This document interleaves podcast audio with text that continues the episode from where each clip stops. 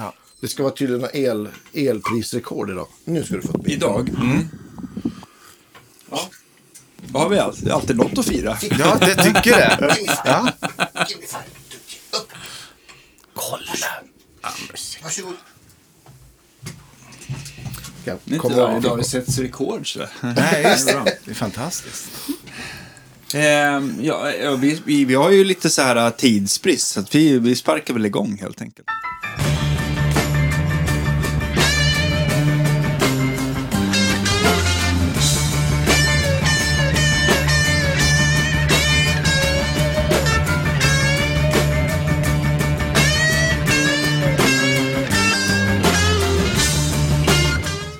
Till Guitar Gigs podcast, mina damer och herrar.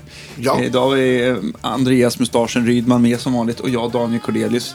Sven Lindvall, välkommen tillbaka. Det var, i- det var ett tag sedan, men då satt vi hos Andreas va? Var det Ja, precis. Mm. Ja. Det, det var ju alltså... Det var ju första året vi körde tror jag. Ja. Så det Jag var er första basist inför rakning, Ja. kommer jag ihåg. stämmer bra. Det var ett väldigt bra avsnitt vill jag minnas. Det var... Ja, det var helt fantastiskt. Det är helt, helt otroligt avsnitt faktiskt. Inte för att jag har lyssnat på det, men ändå. Det var det, jag lovar. Ja, men det känns bra i efterhand i alla fall. Ehm, och så, så har vi från Epidemic Oscar, va? Efternamn har jag missat. Höglund. Höglund, välkommen hit. Tack ja. så mycket. Ja, Till den nu här har vi fantastiska hällt... lokalen. Ja, tack. Ja, men jag, jag trivs bra. Vi, vi sitter i Dannes provrum här. Ja. Det är bra. Det, är lite, det, det passar bra att spela in podd på. Ja. lite dämpat och fint. Eh, eh, ni, ni vill ju eh, komma hit av en anledning vet jag. För att vi hade ju eh, Musikerförbundet och eh, Same här. Eh, och, eh, och vi pratade lite grann om Epidemic, hur det upplägget var. Och det kändes som också att vi vill gärna ha liksom liten liten, eh, liten eh, vad heter det, inte förklaring. Men, Nej, men vi vill ha er sida. Ni hörde ju av er till, mig, till, till oss, skickat mejl jättebra. och, och exakt. sa att ja, men vi har ju massa, massa som jobbar här som lyssnar på er podd och vi skulle gärna vilja komma förbi och prata för att, för att det sades en massa fel och, och eh, ja, och så. Bara, så länge jag, bara inte jag sa något fel så är jag Nej, men det, Nej, men Ja, men det var helt fantastiskt att Ja. vi fick komma hit. Ja, för det, det är alltid intressant att höra andra berätta om en själv. Och då kan det vara kul att få berätta själv om sig själv, Ja, men visst. tycker jag. Och det här tycker jag känns som en jättebra kombo också, att ni två.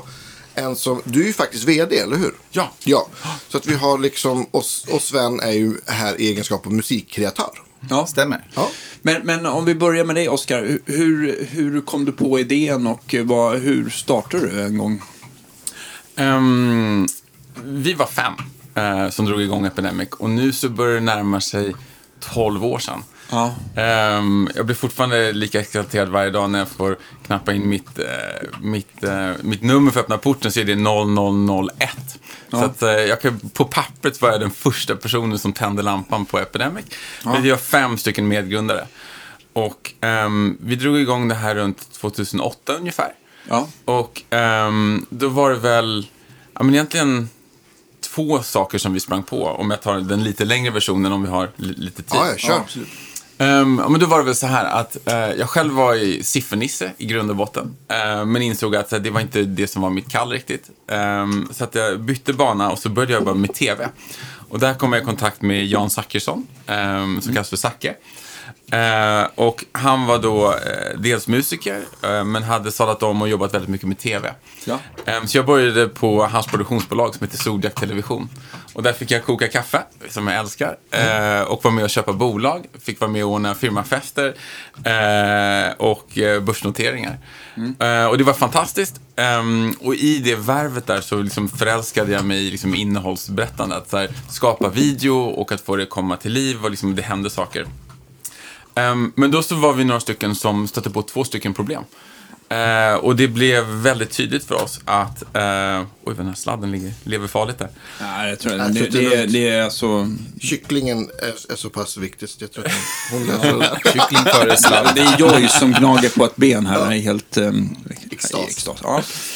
Ja, men så i, i tv-världen då så stötte vi på två stycken problem. Ja. Ehm, och det ena var att om man jobbade på ett pro- produktionsbolag så var det förtvivlat svårt att kunna då ehm, lägga till musik till sitt innehåll. Det var ju uppenbart för alla att det var ju helt nödvändigt. För vi brukar säga att så här, innehåll utan musik är som mat utan smak. Liksom, det flyger inte, det funkar inte, det blir ingen magi, man kopplar inte på känslor. Och liksom, det var übercentralt. Men det var så jättesvårt att göra det, för det fanns inga bra redskap. Man fick alltid ringa någon som hette Patrik av någon anledning, som kom ut med en hårddisk där det var två terabyte musik i en mappstruktur som var helt liksom, eh, godtyckligt ihopsatt. Och sen när man skulle använda en låt så skulle den då rapporteras på ett papper, skickas in och skulle Var kom. Patrik ifrån? Patrik kom typiskt då från antingen eh, ja, men något av de stora amerikanska produktionsmusiksförlagen eller det. från något av de mindre svenska. Men på riktigt så hette han nästan alltid Patrik av någon anledning. Han var spindeln i nät- nätet. Och det fanns flera Patrik, alltså alla hette Patrik som jobbade med det. Ehm, Då vet ni vad ni ska göra om ni är arbetslösa, ni Precis. Patrik där Ja, precis. Ja, Döpa om mig till Patrik så kommer det lösa sig.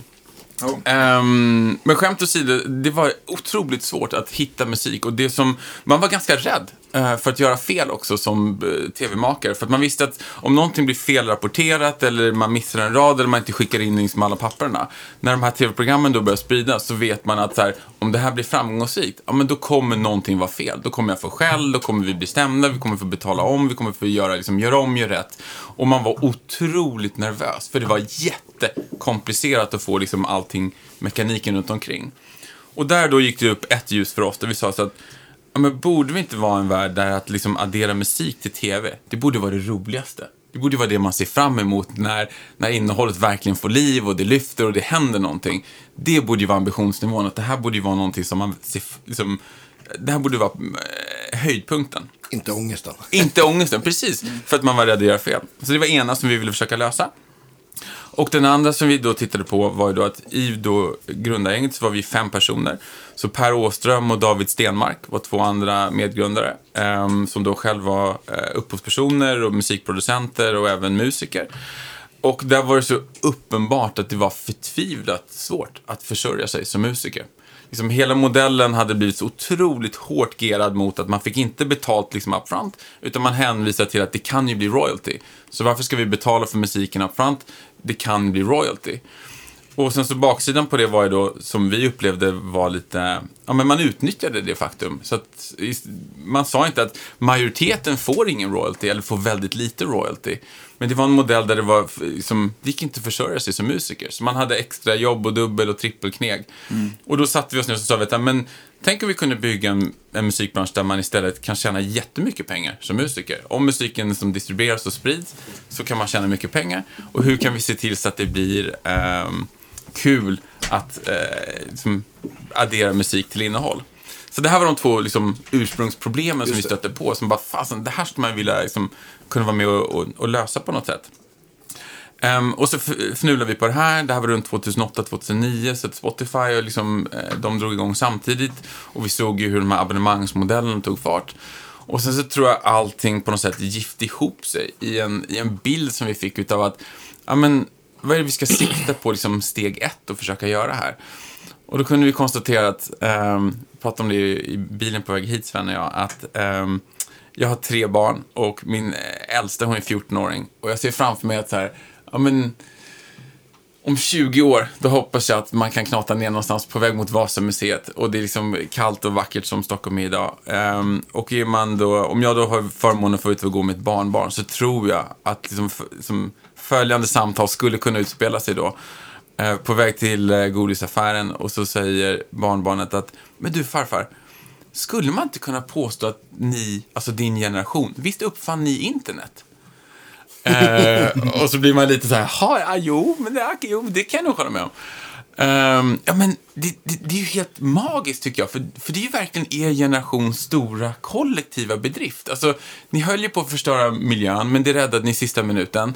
Eh, men sen, ert bestående värv, det som alla minns er för, liksom, det är ju nätet.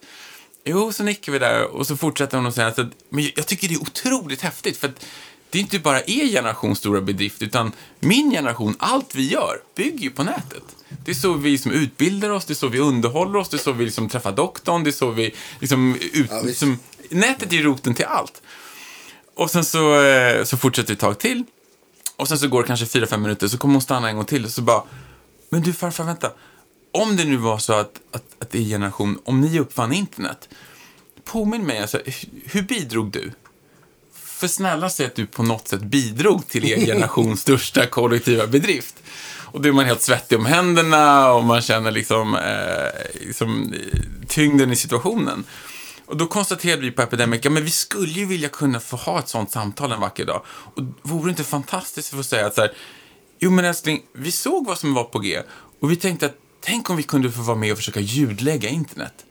Tänk om vi kunde säkerställa att liksom, när internet skapas så blir det en fantastisk plats där musik finns och flödas precis överallt. Allt innehåll, om det är bild, om det är rörligt, om det är stilla. Liksom, musik ska finnas precis överallt. För det var vårt stora bidrag. Så vi, där kunde vi vara med och spela en liten roll i att få det att funka. Mm.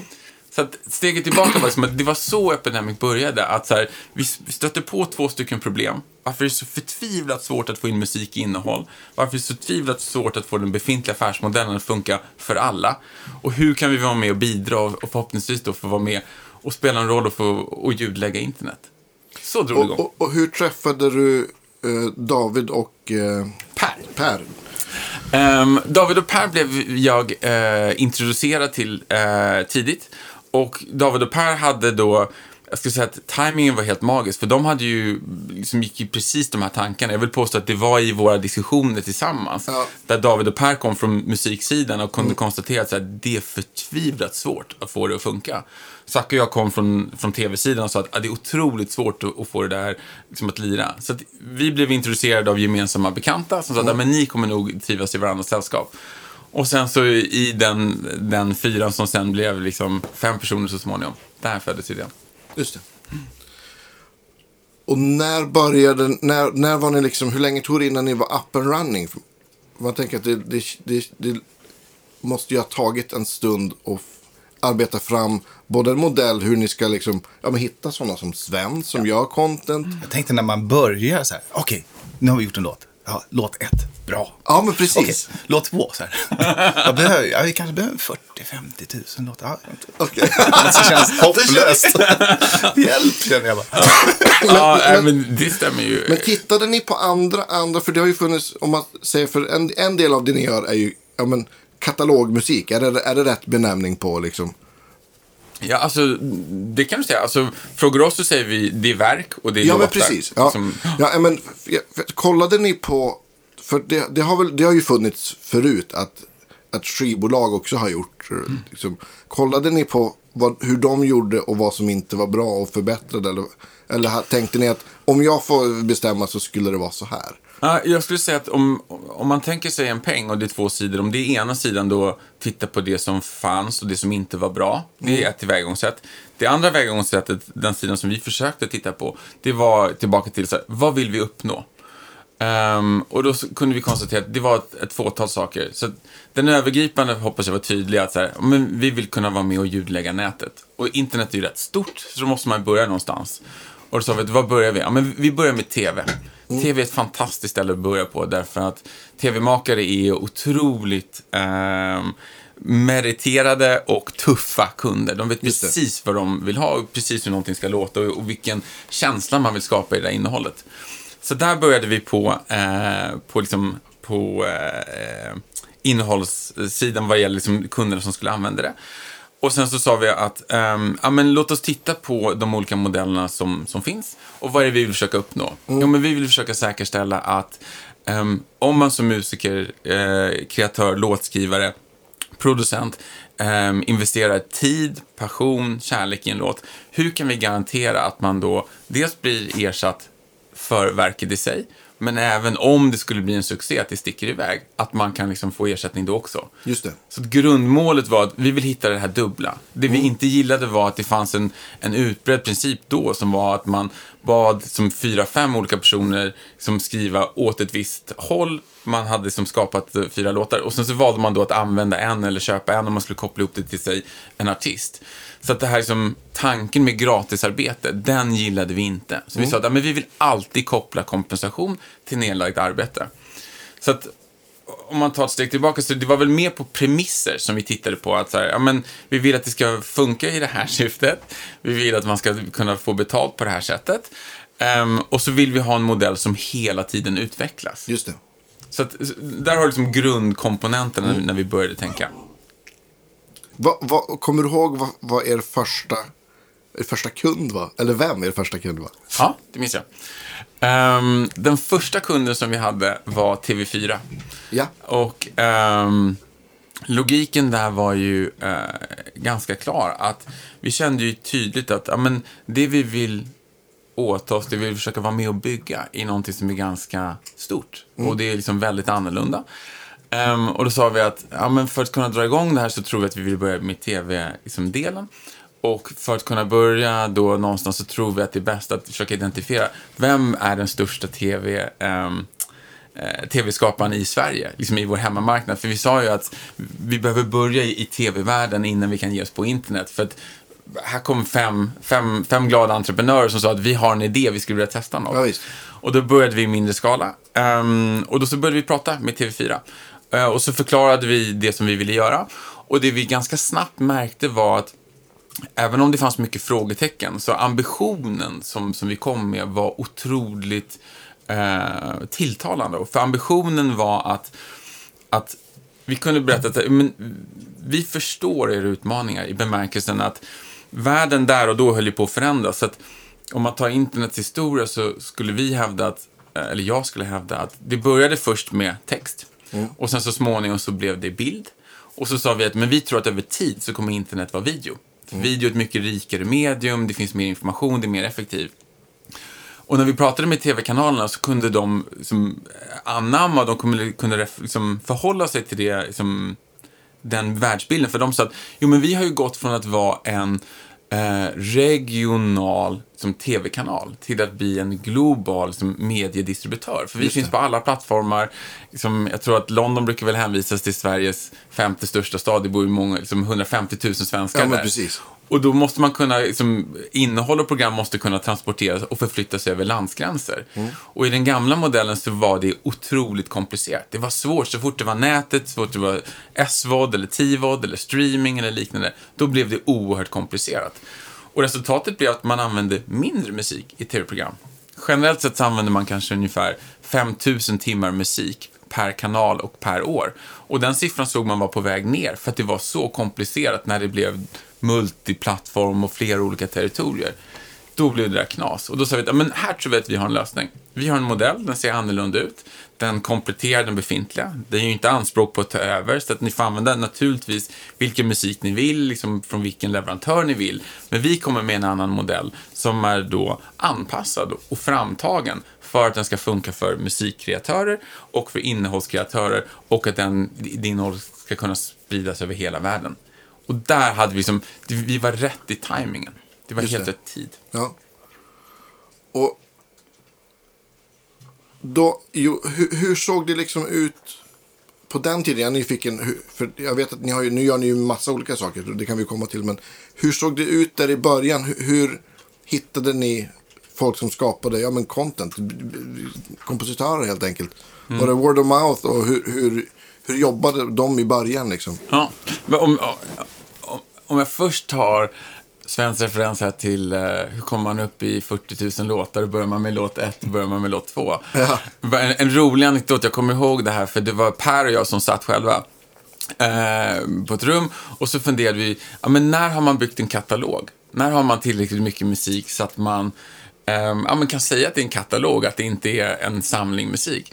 Så då satte vi oss och så räknade vi alla låtarna som fanns i alla de stora, då, typiska, all produktionsmusik mer eller mindre är ju amerikansk. De ägs i varje fall utav amerikanska Okej. produktionsbolag. Så det är där det tenderar att hamna. Och då hade vi tillgång till alla de här hårddiskarna och då satt vi och räknade. Och då så kunde vi konstatera att den minsta företaget som kallade sig själv för en katalog, de hade 5000 verk i sin katalog. Och då tittade vi på varandra och så sa vi att ja, men då är 5000 siffran då. Vad roligt. Ehm, och så splittade vi upp och så kollade vi så här, hur många genrer. Ja, men vi behöver nog komma upp i 150 genrer och idag har vi över 200 genrer. Och så, kunde vi, så fick vi en bild för hur hela den här världen såg ut. Ehm, och sen så var det rätt mycket så att vi fick ju börja, av medgrundarna då, så var ju Per Åström, David Stenmark och Jan Zachrisson, de var ju alla tre musiker. Eh, och då började vi med att säga, okej, men vilka känner ni då? Ja, såklart. Ja.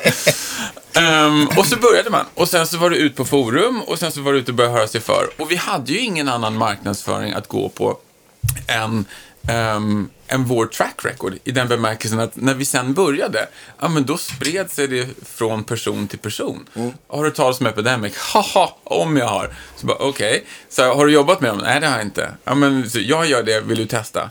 Och i takt med att folk började jobba så spred sig liksom person för person, person för person. Sen gick vi ut på forum och så småningom så blev vi inbjuden på någon skola och på något ställe och sen så blev det som en, ja, men en accelererande effekt. Och nu vill jag påstå att nu får vi ju tusentals med ansökningar från hela världen. Mm. liksom Ja, det förstår jag, såklart. Hela tiden. Ehm, och, Är, är ni den största på det ni gör? Eller, Ja. I dagsläget? Ja, men det- vill jag påstå.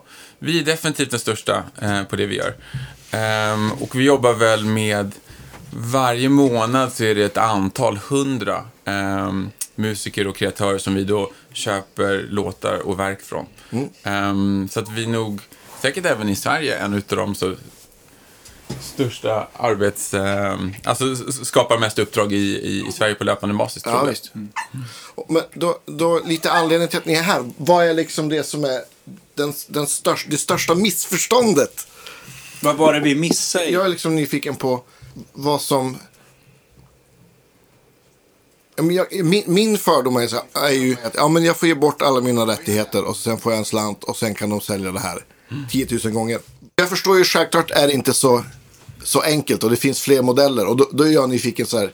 Ja, men hur, hur, kan det funka? Och, och hur funkade det i början och hur har det utvecklats? Och, det här är kanske en jättekomplicerad Nej, fråga. inte men- alls. Ehm, och jag berättar jätte, jättegärna. Jag tror en av anledningarna till varför vi kom hit var ju dels att få berätta, men framför allt för att liksom, ta emot frågor. Så att så peppra loss om, Ja. om det låter som att det är svammel eller att man inte förstår. Eller så, men förklara det här, eller jag har hört något annorlunda.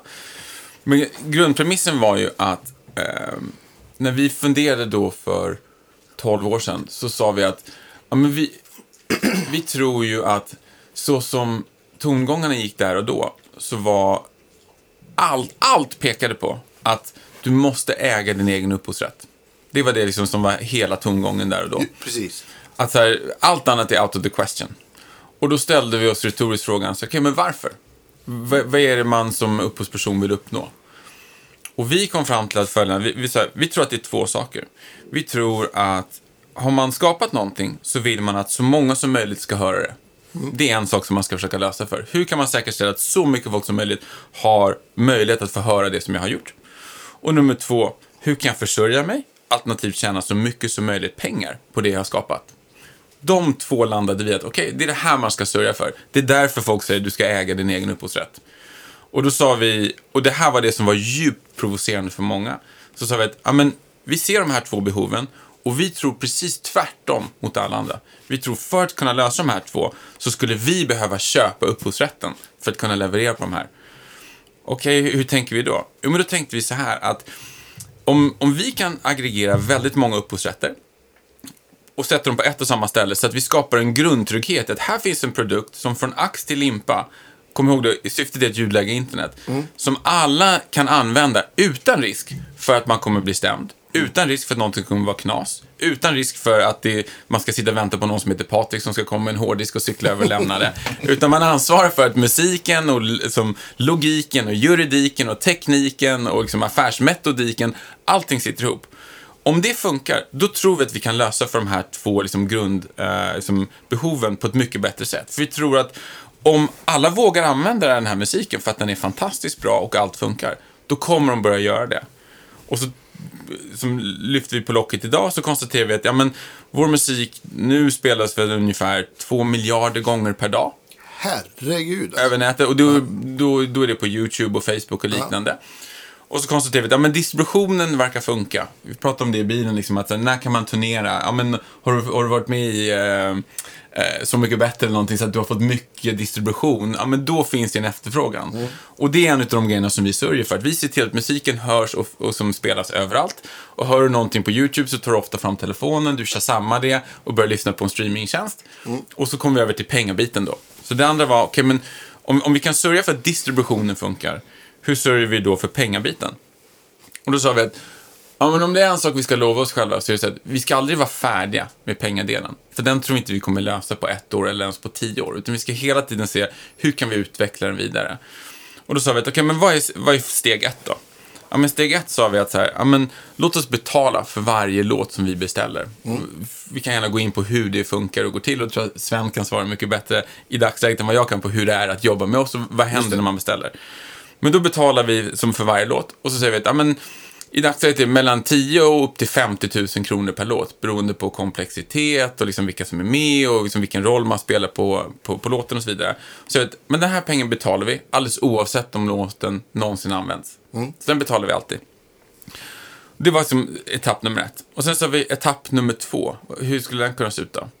Ja, men då märkte vi att så här, ja, men, initialt så fanns ju vår musik bara på internet. För det var det som var grundtanken. Den var ju i tv-programmen och så, och så var den i, um, i internetvärlden. Men vi märkte ju mer och mer att folk skrev ju på YouTube så här, wow, vilken fantastisk musik. Varför hittar jag inte det här på Spotify? Den här vill jag lyssna på när jag ska ut och springa eller laga käk eller vi bjuder på middag eller något sånt där. Den finns ju inte på någon av streamingplattformarna. Och då initialt så sa vi att nej, det gör den inte. För det är inte det vi försöker göra. Vi försöker, liksom, vi försöker vara med och ljudlägga internet. Men det kom så mycket frågor för att det hade så mycket distribution. Så då tittade vi på varandra och så sa vi att men det är klart vi lägger ut den på streamingplattformarna. För här finns ju möjlighet för, för folk att tjäna mer pengar. Och då tittade vi, hur funkar det traditionellt sett? Och så såg vi att i mångt och mycket, om musik som spelas på Spotify och liknande, Spotify betalar ut en jättestor sudd med pengar. Och sen så ingen nämnd, ingen glömd, men där finns det ju skivbolag och skivförlag och management och lite alla möjliga. Och sen i slutändan så blir det någonting till upphovspersonen, liksom de som varit med och skapat låten. Antingen på utförandesidan eller på upphovssidan. Och då sa vi att ja, men allt det här verkar oerhört komplicerat. Vi har liksom beställt låtarna, vi har köpt dem. Men vad händer, borde vi inte bara dela allting 50-50? Bara dela det rätt i mitten. Det är ett partnerskap som vi har mellan kreatörer. Så att vi gör det också. Och det här var då kanske två, tre år senare. Men då är vi åtta, nio år i vår historieskrivning. Så då la vi till del nummer två. Så vi att ja, men vi kör en 50-50 split. Även om du slutar jobba med Epidemic så kommer vi betala ut den här för alltid, för evigt. Och det gör vi ju liksom fortsatt nu. Men ger ni ut all, all, all, all musik ges också ut eller? Ja, så är- allting okej. hamnar på streamingplattformarna nu också. Så att det som vi har lyckats bygga, vi har ju liksom världens största marknadsföringsarm via nätet, som sen i sin tur driver uppmärksamhet, som gör att man liksom hamnar på streaming och lyssnar där också. När de intäkterna samlas in så delar vi dem 50-50 med, med eh, musikskaparna. Så det var del nummer två.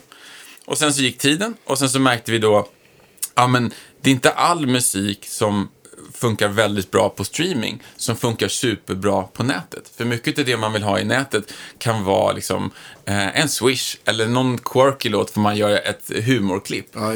Och de funkade inte nödvändigtvis lika bra på streaming för det var inte just så att man ville gå och lyssna på humor som dråplig musik eh, när man skulle eh, laga middag. Och då sa vi att ja, men hur, hur kan vi koppla ytterligare ersättning till den musiken som funkar väldigt bra med bara nätet? Och då sa vi att ja, men då sätter vi ihop en ytterligare del som vi kallar för Soundtrack Bonus, ehm, som blev del nummer tre. Och den sjösatte vi då i stor skala förra året. Och då sa vi att ja, men nu avsätter vi 10 miljoner kronor. Och så delar vi ut den eh, till alla då musikskaparna eh, baserat på Ja, men om jag har en låt av tio som är nedladdad, som det här året, då får jag en tiondel av de här 10 miljoner kronorna. Så vi satte en modell som gjorde att ja, men om kunder laddar ner en låt utan att den hamnar på streaming, då tycker ju de att den är intressant. Då får man betalt för det också. Så där la vi på en del nummer tre, vartefter vår affär hade utvecklats och blivit så. Och sen så den fjärde delen var nu att i takt med att bolaget växte så sa vi att okej, men vad är nästa grej vi skulle kunna göra? Ja, men nästa grej är att vi skulle vilja se att när Epidemic växer och blir större så skulle vi vilja att våra musikkreatörer är med på det bygget också. Ja, men ska vi inte göra alla musiker till aktieägare då? Sagt och gjort så bara, jo, så Ah, gör vi. coolt. Så det var den fjärde delen som vi la till då förra året, där vi erbjöd alla som skapar och levererar musik att säga, men om ni vill så får ni köpa aktier i Epidemic. Ingen måste naturligtvis, men vi vill att den möjligheten ska ges. Så att i dagsläget skulle jag vilja hävda att vi har kommit till punkt fyra och jag hoppas att det kommer vara en femma, en sexa, en sjua, men vi har inte uppfunnit dem ännu. Men tillbaka till liksom, så var liksom tänket. Alltså, varför och hur byggde vi och vad är det som oftast inte kommer fram? Men det känns ju jävligt modernt för man tänker liksom. Eh, jag har ju jobbat med musik i ja, men 20 plus år. Och, och jag brukar, då folk frågar liksom så här, men har det ändrats något? Så här, ja, men att jobba med musik, det är som att befinna sig i en amöba. Den liksom bara rör sig och ändrar form hela tiden. Liksom. Så det, det låter som ett väldigt sunt sätt att, att tänka att, liksom, att ja, men vi blir inte klara det liksom, work in progress liksom. Men jag blir så himla glad över att höra din förklaring också. För jag tycker inte att den, alltså alla de här detaljerna framgav, framkom ju inte när vi pratade med Musikerförbundet. Eller, då Eller, lät det ju eller, lite nej men det var ju så här- Sami. Ja, nu lät ju den här, den här, ert upplägg ändå inte som, som eh, ni var, var några bovar, men Mm. just med de här eh, steg tre och steg fyra som du berättar om så, så ja, det känns ju väldigt, ja, det känns Ja, ju väldigt hoppfullt och kul, bara, tycker jag i alla fall. Man får liksom lite en annan bild av det. Men, men vad är det som gör att, att, att, att Sami och Stim inte gillar er? Om man får ställa en så blant Epidemic fråga. är ju deras första riktiga konkurrent. Ja, Så är det ju faktiskt. Det har inte funnits förut. nej. I USA finns det ju två. Det är ju ASCAP och BEMI eller vad de Ja, heter. Ja, I och med, ja. BMI, ja, Det är precis. väl kanske den första förklaringen. Ja. Men är det en ren konkurrent? Det kanske blir så i, i om man... Alltså, ehm, jag försöker vara jätteförsiktig med att uttala mig å andras vägnar. För jag vet ju själv hur frustrerad jag blir när andras kollar på och Ja, uttalar sig å våra vägnar hela tiden. Jag kan spekulera så är det Tack, Tack Sven. Kör Sven. Ehm, nej men, på din fråga om det är en rak konkurrent. Jag, jag satt och funderade på det i, um, i morse i bilen på väg hit. Och så här, vad finns det för exempel som man kan titta på? Och av någon anledning så hamnade jag, det är kanske inte så konstigt, men jag hamnade i, i, i, eh, i tv-branschen. För att jag är ju 43, så jag kan ju komma ihåg när den enda tv-distributören som fanns i Sverige var SVT. Jag minns ju det. Och så minns jag hur liksom otroligt känsligt det var när MTG drog igång och TV4 då, som heter Nordisk Television, drog igång. Och folk sa nej det ska bara finnas en. Liksom, det här är fel och de sänder från England och det är, liksom, det är ju oerhört dåligt. Men så tittar jag hur den här utvecklingen har sett ut och jag kan konstatera 40 40 år senare så är fortfarande SVT störst. Men om jag tittar på utbudet, på det som skapas på... Jag ser nästan som olika... Första vågen var ju att som, SVT blev kompletterat, inte ersatt, men kompletterat med då ett MTG, ett TV4, ett, som Kanal 5 och Discovery och vi pratade om Eh, så mycket bättre, liksom, eh, såna, den typen av tv-program som kom ur det kommersiella. Ja. Så det, var ju, det berikade ju alla tittarna, det berikade produktionsbolagen, det berikade ju mängden innehåll som skapades. Ja. Sen våg nummer två, ska jag säga, då kom ju på något sätt, jag ska säga kanske YouTube, som blev den här långa svansen, som bara ännu mer innehåll, som var också på ett helt annat sätt. Men det var ändå en, en ny leverantör. Sen ovanpå det så ska jag säga, då kom ju Netflix och Viaplay och liksom Dplay och allt vad de heter. Som var ytterligare en till sätt att, som levererar content och innehåll. Och sen nu ovanpå det så finns ju TikTok och ditten och datten och allt vad de heter. Och jag har bara konstaterat, jag tror att kultur och mångfald och liksom uttrycket och antal produktionsbolag, antal innehåll, antal musik, alltså mängden som skapas och det som vi får se och ta del utav. Det hade ju aldrig funnits om det bara fanns en. Nej, men visst. Och de är alla olika, så tillbaka till, till din fråga. Att så här, nej, jag ser inte oss som, definitivt inte som en konkurrent till, till Sami och gänget, utan jag ser det som ett komplement. Där jag tycker att det är så här, superviktigt att ju mer som finns, desto mer måste alla vara på sina tår. Desto bättre måste man vara gentemot musikskapare, gentemot liksom, tittare, gentemot innehållskreatörer. Så att man så här, jag tror att konkurrensen driver effektivitet och utveckling och nyfikenhet Så har det väl alltid varit. där känner jag, och jag, har- jag har så svårt att förlika mig med, och jag tror inte det ligger i någons intresse att det måste finnas ett, det finns bara ett sätt att göra det på. Liksom, jag, jag köper inte det. det. Det är som, det är som handel ungefär. Så här, en del vill betala cash, en del med kort, en del med krita, en del med faktura, en del håller på med såna bitcoins och krypto och så här. Ah, det är massa olika sätt för att vi ska interagera och handla. Man kan inte säga att en är rätt och en är fel. På samma sätt tror jag att det kanske är mer som förenar oss. Att här, vi alla gemensamt, så här, upphovsrätt är sjukt viktigt. Det måste funka. Och då för att det ska funka överallt för yngre generationer som bara förväntar sig att allt ska bara finnas i mobilen, då måste det vara lätt, det måste vara smidigt. Och då måste man investera enorma mängder för att göra någonting komplicerat. Att göra det hållbart och göra det skalbart. Ja, men det har vi lagt liksom över ett decennium på och många, många, många hundratals miljoner kronor med att försöka bygga det. Så vi försöker lägga allt vårt fokus på att bli bättre och inte på att hålla på att recensera andra så mycket. Vi hoppas att de är superframgångsrika och att alla hittar liksom det forumet som funkar bäst för dem. Men jag vägrar skriva under på att det måste ske via en person, en entitet. Liksom, eh, jag tror inte på det. Jag tror mer på, liksom, på oss som, som människor tillsammans. Det måste finnas flera sätt liksom, att lösa de här frågorna på, tycker jag. Just det. Eh, Men jag tänkte på, eh, Sven, hur kom du i kontakt med Epidemic och vad var det liksom upplägget du gillade som gör att du är här med oss idag och tycker om det? Ja, Ja, eh, jag var på turné med Eagle Eye Cherry för kanske, vad var det? Två, tre år sedan? Jag kommer inte ihåg. Just innan pandemin typ. Just innan pandemin. Ja, fast ja, det här var nog i februari, mars någon gång. Okej. Då gjorde vi en sån här månad i Nightline. Vi bodde i en vit buss, så åkte vi runt i Europa och så släppte de ut oss i en rockklubb och så spelade vi. Så hoppade vi in i den här bussen så fortsatte vi till nästa ställe. och det var, det var Koma, Koma Svensson, jag och Daniel Rydell och Niklas Gabrielsson och Eagle. Ja. Och Koma jobbade för Epidemic då. Så vi hann ju tillbringa några timmar där och prata och snacka Mm. och så här. Så alla var ju, alla tyckte men det här verkar ju skitkul. Vi måste ju hoppa på. Eagle Eye var också sugen, fast han har så himla mycket royalties, han kunde inte. men, eh, så vi, ja, vi lämnade in några ansökningar, jag tror det var ungefär där, när turnén slutade. Och det var lite, jag hade kanske mest, jag är ju så himla gammal. Nej, men jag har ju varit med i Sami sedan sent 80-tal. Ja. Och 90-talet så jobbade jag som, jag var kanske den sista generationen som jobbade som studiomusiker. Att man hade gig på studios varenda dag i veckan. Man åkte runt liksom, spelade in Skivor. skivor åt folk. Så jag har ju spelat på jättemycket låtar som spelas runt om i hela världen. Fortfarande. Mm. Och jag får ju rätt så bra med pengar från Sami för det. Eller fick. Men nu får jag inte det längre. Men jag tänkte att jag provar Epidemic och sen så, de håller de där pengarna några år. Så kan man kanske ta en paus från Epidemic och, och samla hem de där Sami-pengarna. Men då har de gjort något sånt där, att det är någon slags karantän. Så man måste ju typ vara borta ett helt år. Jaha. För att man ska, ja de- man kan inte bara gå in och ut. Eh, det är lite synd. Så jag tror inte, jag, jag tror de där pengarna kommer Frysa in. frysa in. Men det är synd, för jag ser det lite som att jag, det är ju mina stålar, känner jag på något sätt. Men eh, då får vi göra något bra för pengarna. De kan ju inrätta en, en fond för gamla avdankade rockbasister kanske, Ja, i Sven det. Lindahls namn.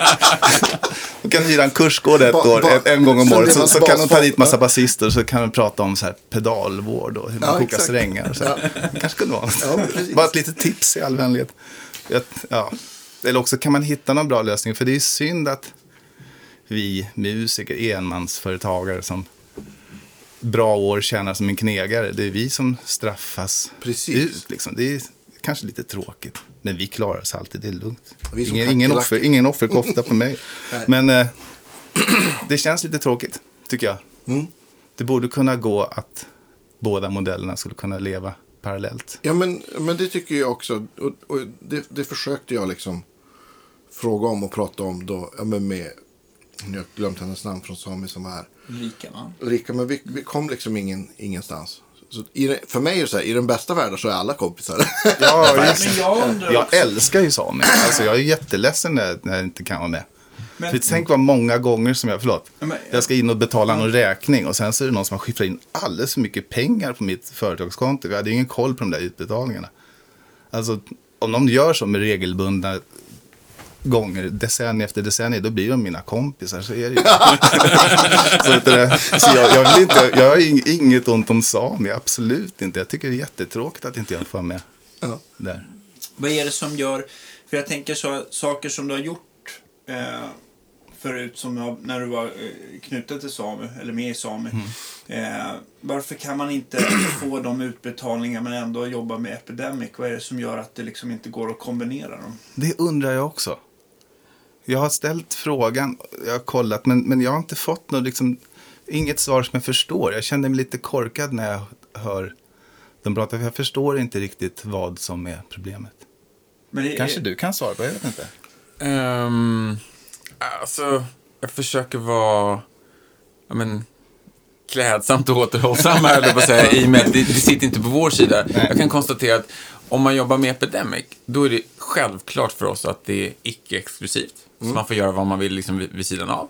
Och att så här, när som helst så kan man sluta. Liksom, inga inlåsning, ingenting att man sitter fast i liksom, lång tid. Utan, Men, men till skillnad eh, från eh, då är att ni betalar ut om ni har en låt som går bra så att säga. Även om, Ah, även för om man- alltid. ja, ja, ja. ja. Alltid. För alltid. Så, så ser det ut på vår sida. Och ehm, som jag förstår det, alltså... Som jag förstår det så är det i det gamla systemet, där så har man inte den möjligheten. Där är det exklusiva avtal. Så att, eller förstår, jag vet att det är så. Det vill säga att ehm, ja, men en sån oförrätt som har glidit runt länge, som, som vi blir väldigt frustrerade på, är när vi får förklara för oss att så här, ja, men Epidemic tvingar folk att lämna eh, liksom, Sami eller STIM eller det gamla systemet. Och då blir jag så här, men vänta lite grann nu, att så här, om, om man tar de här institutionerna som har funnits extremt länge, som har exklusiva avtal. Om, om en musiker kommer till oss och säger hej, jag skulle vilja jobba med Epidemic. Då säger vi, vad kul, det får du jättegärna göra.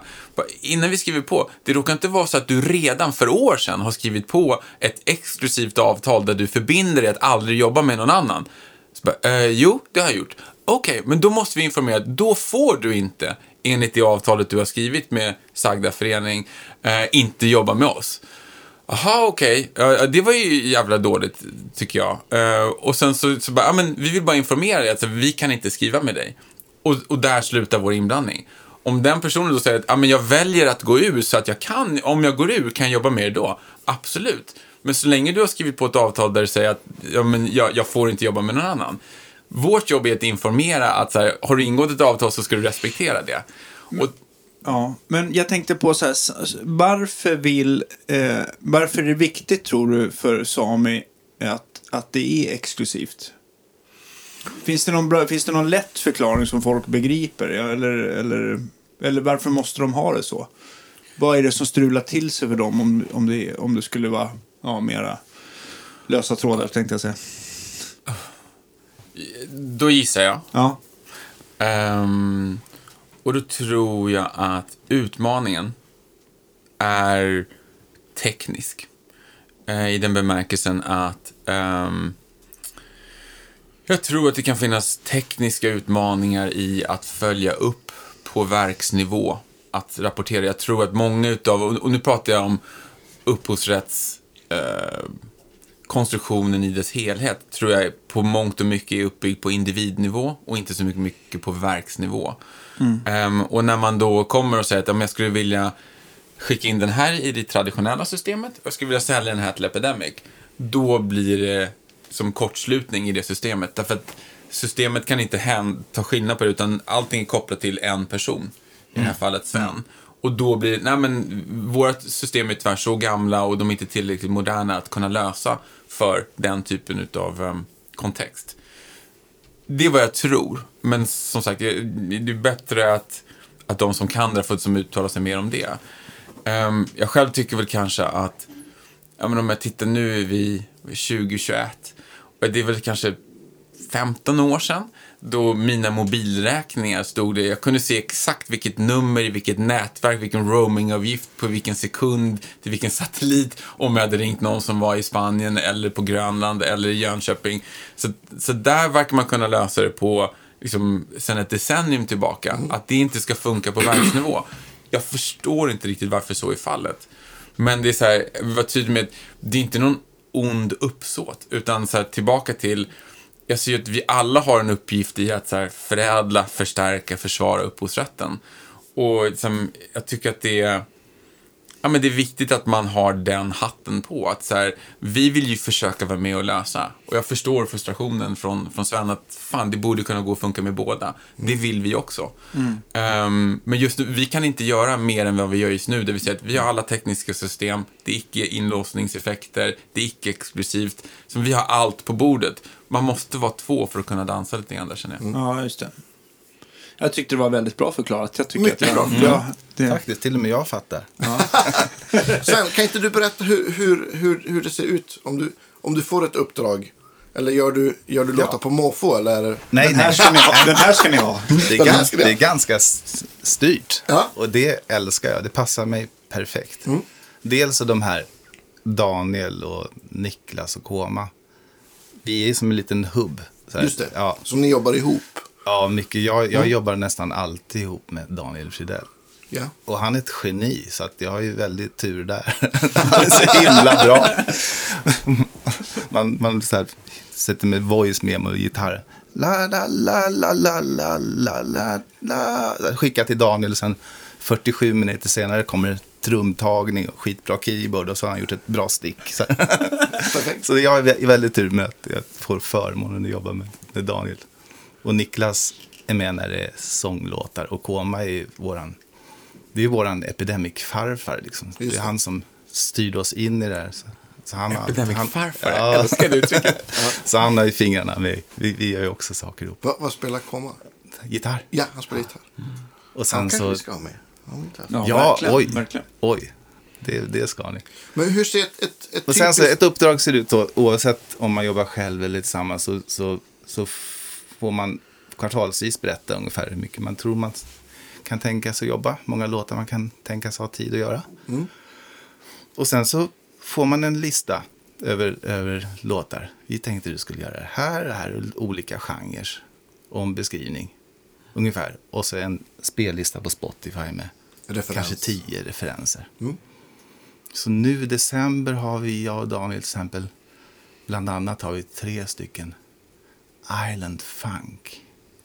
Det är lite calypso, lite reggae, fast det är betoning på sväng, svängig, Ja. funky funky, fast det ska ganska low key. Ja. Lite så att man ska bli sugen på romdrinkar när man... När man där. Och så lite referenser och sådär. Så får man lyssna på dem. Och sen så hör man ju på referenserna att någon låt kanske har det så här värsta 80-talsgitarrsolot. Och, ja, det kanske inte var det som vi ska ta fasta på på just den här låten. Man får ju klura lite så man förstår hur det är tänkt. För det, de vill ju ha liksom en så här, ja den här, den här ska kunna vara här liksom. Mm. Så det får man lösa. Så ibland får man ju feeling och så gör man något skitbra. Och så skickar man in den och så säger ja det här är jättebra men tyvärr det är för långt ifrån referenserna. Gör Ja. om, gör rätt. Så brukar man så fakt- Men den kanske går att spara ja, till ja, den, den, den, de, de har blivit återanvända. Men man, man, får, man, man jobbar utifrån det. Och sen så när man har jobbat, när man har gjort klart en låt så är den approvad. Och då så skickas ett kontrakt. Och så fakturerar man sina pengar. Just det. Mm. Och, och, och hur mycket man fakturerar är då utifrån om det är ett Ja, det vet- symfoniorkesterverk eller om det är... Precis. Om det Hur är svängigt det är. Då har man, Hur svängigt det? har man, då har man i förväg. Att vet, vet precis Just det. på kronan hur mycket. Och sen så kommer det ju sån här royalties varje kvartal också. Och nu har jag jobbat ett par år så nu börjar det bli lite stålar. Ja, Och det är jättekul. ja. Ja, det är snart ikapp mina samipengar. Perfekt. Ja. Men jag tänkte också på, när, när, innan, eh, innan det här, hur, hur såg det mer ut då? Då gjorde du låtar, eh, på, eller hur funkar det? Hur var det annorlunda? Du visste liksom inte vad du skulle få på Men royalty?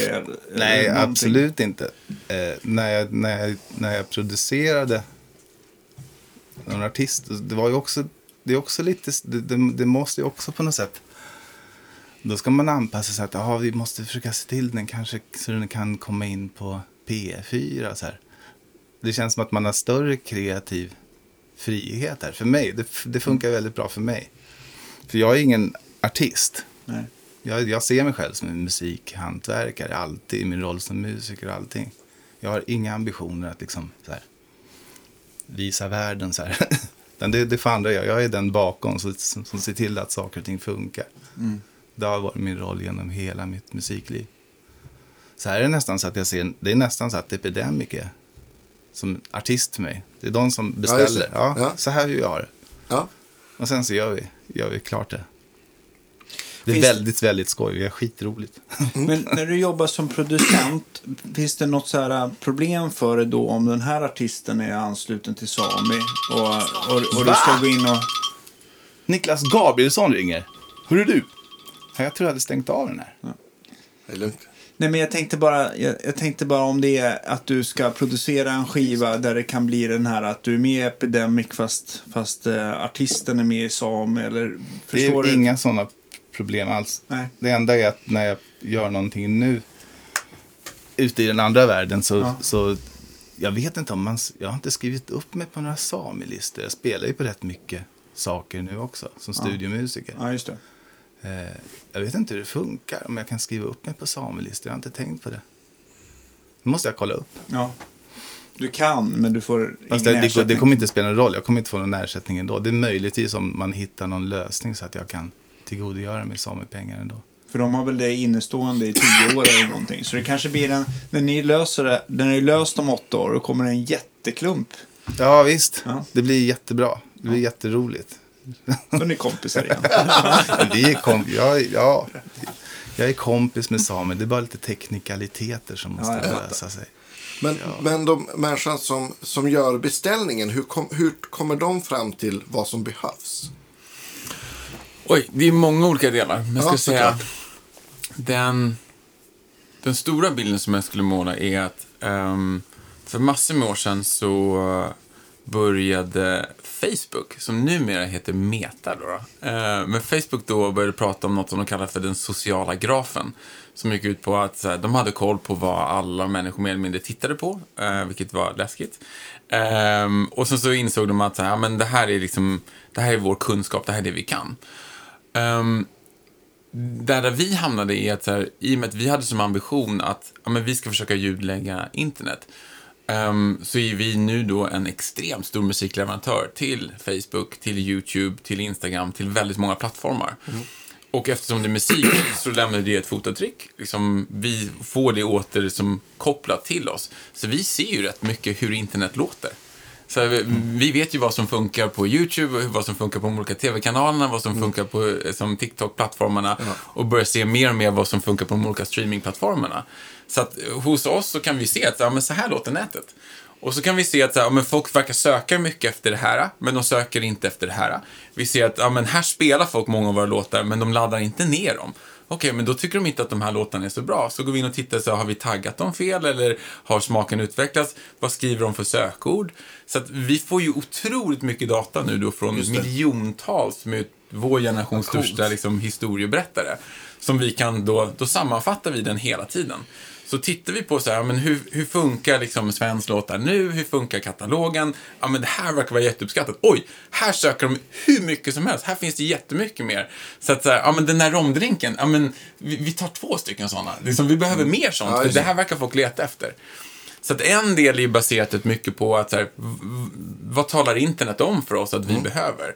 Och Då är det mycket lättare för oss att ge en brief till Sven eller till de vi jobbar med. Och så vet vi att ja, men sannolikheten att den här låten kommer gå väldigt bra, den är rätt hög. För det finns ju en efterfrågan. Så det är ena halvan. Och sen den andra är då den kreativa friheten där vi kan vara så här, ja men eh, väldigt ofta så får folk liksom, ja men jag har en idé, det här och det här skulle jag vilja testa. Och då blir det så här, wow, det låter ju magiskt, låt oss prova. Och så trycker vi ut den och så får vi en återkoppling direkt om den används och hur den tar fart och vilka delar av världen som den får liv. Jag tänkte på, eh, slår slås ni av att hur, stor skillnaden är på efterfrågan av låtar beroende på världsdel eller på plattform? Vad är det liksom som vad blir mest Ja, häpnadsväckande? Det finns många olika krafter. Jag ska försöka fatta mig kort här för jag blir så exalterad. Men, eh, den, som, en är ju att det finns någon form av globalisering som gör att ja, men när vi alla nu tänker på sci-fi så tänker vi kanske Game of Thrones. Så att det finns liksom en likriktning i kulturkonsumtion. När Netflix finns i hela världen så kan alla se samma. Då ser man samma, då hör man samma och så märker vi att så här, musikaliskt så börjar vi alla bli ganska likriktade i världen. För att vi konsumerar samma typ av populärkultur. Så det borde ju borga för att så här, mm, det låter mer och mer lika i hela världen. Så att då, i vårt fall, en, en svensk, för det är framförallt svenska upphovspersoner vi jobbar med, för att de är så exceptionellt duktiga liksom, när vi jämför globalt så kan vi märka att men, vår musik funkar väldigt bra i hela världen. Så det är en kraft. Den andra kraften, jag, jag håller mig till samma plattform, är att när du tar ett program som säger Squid Game, som är det här sydkoreanska programmet, fenomenet, som då var lokalt producerat i Sydkorea, där man har liksom en sydkoreansk ljudbild. Och då märker hela världen att så här, wow, fan vad coolt det är med nischer och något annorlunda och något som låter helt liksom diametralt motsatt mot hur det låter i Europa. Så att det finns konstant de här, äh, mer fokus, mer uppmärksamhet, mer lokal anpassning, att man vill ha den här lokala flavorn. Samtidigt som det finns en nyfikenhet och en dragning mot det som är som globalt gångbart. Jag ska säga, de här två krafterna liksom slåss mot varandra. Så att det får ju, alltså, om man tittar på hur vi växer vår katalog, så nu är det väldigt mycket då utåt sidorna eftersom vi nu växer ganska mycket och kommer in i fler och fler länder. Då vill vi ha mycket mer som är så här, ah, men här behöver vi Calypso, och här behöver vi det här och här behöver vi så. Som, som nu märker vi att nu, nu får vi väldigt mycket mer sökningar, så här, Nordafrika, som Algeriet, Marocko, Marrakesh. Hur ser vår musik, ljudbilden ut där? Ja men där är ganska tunt faktiskt. Kolla ju hur det, ja men då bygger vi på mer där. Så att jag skulle säga att det är de här två krafterna där, alltså ovanpå allt det här sen så sitter ju alltså, vår hu- huvud, huvuduppgiften tillbaka till att så här, gifta ihop rörlig bild med musik. Där har ju musik eh, en annan roll att spela än om man tittar på de traditionella hitlistorna. För hitlistorna så är det så att, ja men hjälp mig hitta hitsen. Om ni går in på Tidal, Spotify, Deezer eller någonting, så det är väldigt mycket lister, hits, och man ska försöka dra in folk mot mitten. Vad gillar alla andra? Så testar man, gillar jag det? när man ska berätta en historia så är det diametrala motsatsen. Det här är dokumentären om min mormor. Hon var helt unik. Jag vill hitta ett ljud som en låt en känsla och en feeling som ingen har någonsin hört. För det fanns ingen som henne. Så att vi har ju väldigt mycket krav på oss att vår musik ska låta annorlunda. Det måste vara unikt. Så att vi försöker inte driva folk mot en, en trist mitt. Utan tvärtom så har ju vi ett jättestort intresse av att ja, men alla låtar har vi så kallade stems. Så varenda instrument är inspelat separat. Så att man just då kan plocka ut ja, men en sång eller en, liksom en bas eller trumma eller någonting om man tycker att det var just det som fångade. Eller jag vill göra det här unikt. Då vill jag ta bort någonting så att ingen annan kan använda samma sak. Smart. Ja. Just det. Så vi har ett annat Så kan man det som, som, som kund, kan man då välja, ja men jag vill ha svensk låt fast utan sång. Fast utan bas. Fast utan bas. Jag vill spela basen själv. Men så blir det aldrig. Alltså, nu börjar ni fatta också hur himla kul det här jobbet Ja, är. ja, nu, Ja, det, För ja, att liksom, det är inte det där... Man, man kan släppa P4 helt och hållet. Man får göra allt möjligt. Ja, det låter ju helt Och jag liksom, för några månader sedan så, så snackade jag med min A&R som också är en grym, grym snubbe. Har ni ingen sån här typ så här helan och halva musik? Det är ett 20-tals jazz här innan det fanns trumset. Det vore skitkul att göra sånt. Och han var ja, det måste vi göra. Så gjorde vi det. Fick jag ju vara, då fick jag ju vara nästan som arkeologer, jag och Daniel. Och sätta oss och komponera och, och, och så fixade de givetvis jättebra blåsare och sånt. Så man behöver inte spela allt själv. Det, var jätte, det är jätteroligt. Det är jätteroliga musikuppdrag. Och, och, och vad släpps det under för namn sen då det släpps liksom på Spotify? Hittar ni på det själva eller är det liksom? Det här är jätteviktigt. Alltså, Det är ju alltid de som har skapat musiken som får bestämma helt och hållet. Ja, just det. Och då tycker jag att, så här, ja, men som Sven var inne på, en viktig del att, att man har med sig är att vi kommer ju till otroligt duktiga musiker. Och så kommer vi att så här, vi skulle vilja att de här fem låtarna tror vi att du har kapacitet att göra. De här två sitter ihop, de här tre är någonting helt annat. Så bara, ja men grymt, jag, jag, har, jag har feeling, det här kan jag definitivt göra. Och sen får man själv som då kreatör bestämma, vill man släppa allt under eget namn? Eller, jag tror många känner att här, men, om jag släpper liksom det här som är eh, ja, men Charleston, liksom Just det. 20-tals, liksom, åt det här hållet. Och sen så släpper jag liksom någon EDM, liksom, eh, liksom tre låtar som är EDM-inspirerade just därför att man har den kreativa bredden. Om jag släpper allt under samma namn, då kommer folk tro att jag är helt galen. Liksom, jag vill inte det. Jag har olika projekt i olika grejer. Och vi går alltid på den linjen, att säga, men ni får själva avgöra. Ni får bestämma hur och var och i vilken konstellation. Så att där är liksom hela logiken. Um, för det vet jag också en sån fråga som har dykt upp titt som tätt. Hur funkar det med namn och vem bestämmer och så vidare. Vi säger alltid att vi vill att det ska vara musikern själv som ska fronta och som ska synas. Om de inte vill, då kan vi absolut säga liksom Epidemic eller stå där. Men det är alltid musikern först om man är inne i tjänsten och kollar liksom, och bestämmer vem det är som ska vara avsändare. hur, hur har du valt att göra?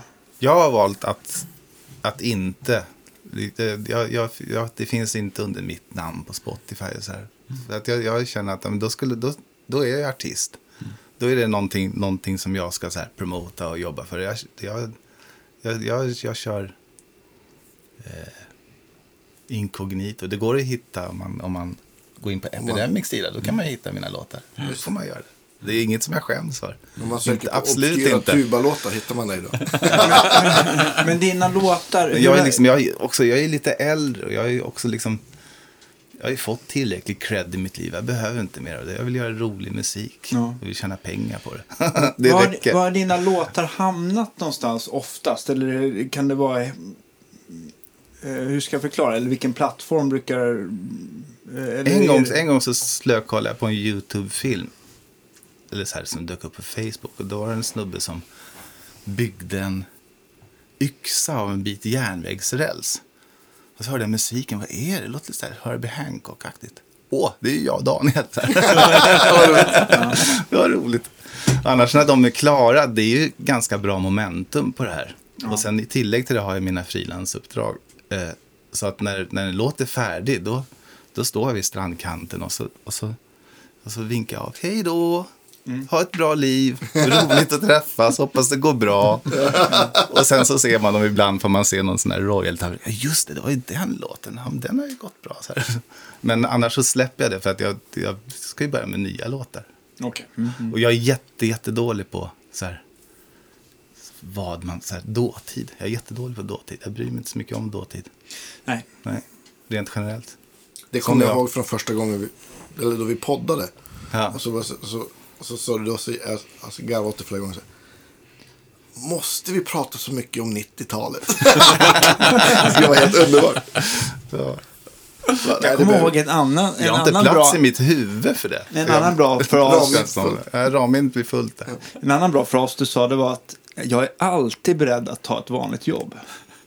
Kommer du ihåg Ja, den? ja, just det. Ja, ja. ja. Självklart. För att annars så börjar man kompromissa. Det här är ju liksom, musikerjobbet är jätteroligt så länge man har roliga uppdrag. Ja, just det. Och för man tar uppdrag som man inte tycker är roliga, då, då sabbar man ju bara sin största passion. Då kan man lika gärna knega. Men då låter ju det här som en, ett, verkligen ett steg i rätt riktning då. Ja, jag, jag, är så, jag är jätteglad för det här. Det Ja. är jätte, jätteroligt. Grymt. Hur ligger vi till i tid så vi inte Det, jag vet pratar inte, bort du ska ju svensk vara, om en halvtimme så ska du vara på Grand va? Jaha, 10.31. Ja, det är inte så här på pricken. Nej. Men eh, mm, vi kanske ska börja runda av. Men har vi, har vi fått med allting? För jag tycker att jag har fått en väldigt klar, eh, mycket klarare bild Ja, jag av, av det här. Men är det, är det någon så här detalj som ändå är viktig att ta upp som jag har missat? Eller får vi ta det i avsnitt två?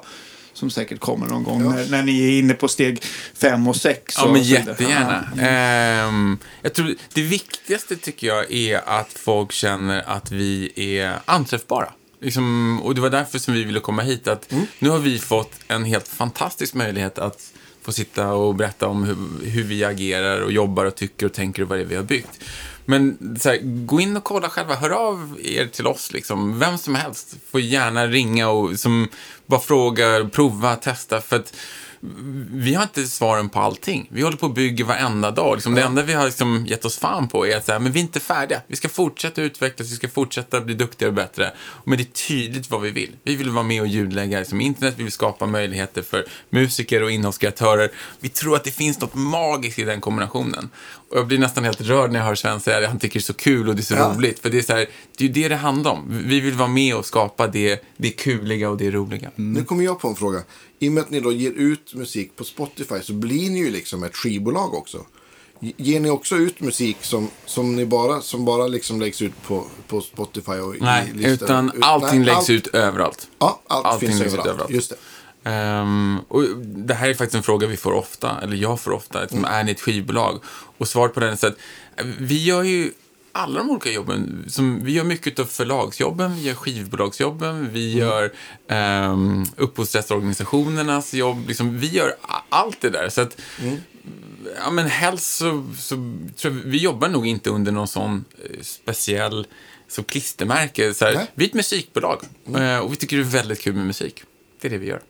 Skulle Sven kunna göra, göra en, en tuba-skiva där han spelar andras melodier? Eller blir det då knas med... Jag måste nog hitta på dem själv. Ja, du får hitta på dem själv. Ja. Ja. ja. Hur mycket tuba har du spelat? Undrar jag då. En hel del. Ja, kul. Ja, Ja. oh, ja. Det blir det. Ja. Men att huvudinstrument är ju, eh, måste jag säga, tuba, klockspel, melodika och kokklocka. Det är mina huvudinstrument. Och så spelar jag lite annat. Och så lite bas. Lite bas och låt ja. lite keyboard. Men keyboard är svårt för det är så himla logiskt. Man ser ju alla möjligheter, jag blir alldeles låst. och gitarr, de, det är kul fast de har så fruktansvärt tunna strängar. Alltså. Men det går, man får, man, man får trassla sig fram. Jag älskar att du hänvisar till en koklocka som gränslös. Det, är så här, det finns hur mycket möjligheter som helst. Jag kan berätta en grej, jag får inte berätta det på podden, jag kan berätta det sen. Med koklocka. Nej, men underbart att ha er här tycker Ja, jag. jätte- väldigt, jätte- väldigt lärorikt. Jättelärorikt och informativt. Och jätte- supertrevligt. Tack så jättemycket. Och vi ska också tacka våra Patreons och kaffe och tröjköpare. Tack Ja. för att ni supportar vår podd. Fantastiskt gott kaffe. Ja, Ja. bra. Och vi ses, eller ses, hörs igen nästa vecka. Det gör vi. Ha det bra. Ha det så bra. Hej då. Hej då! Hej då!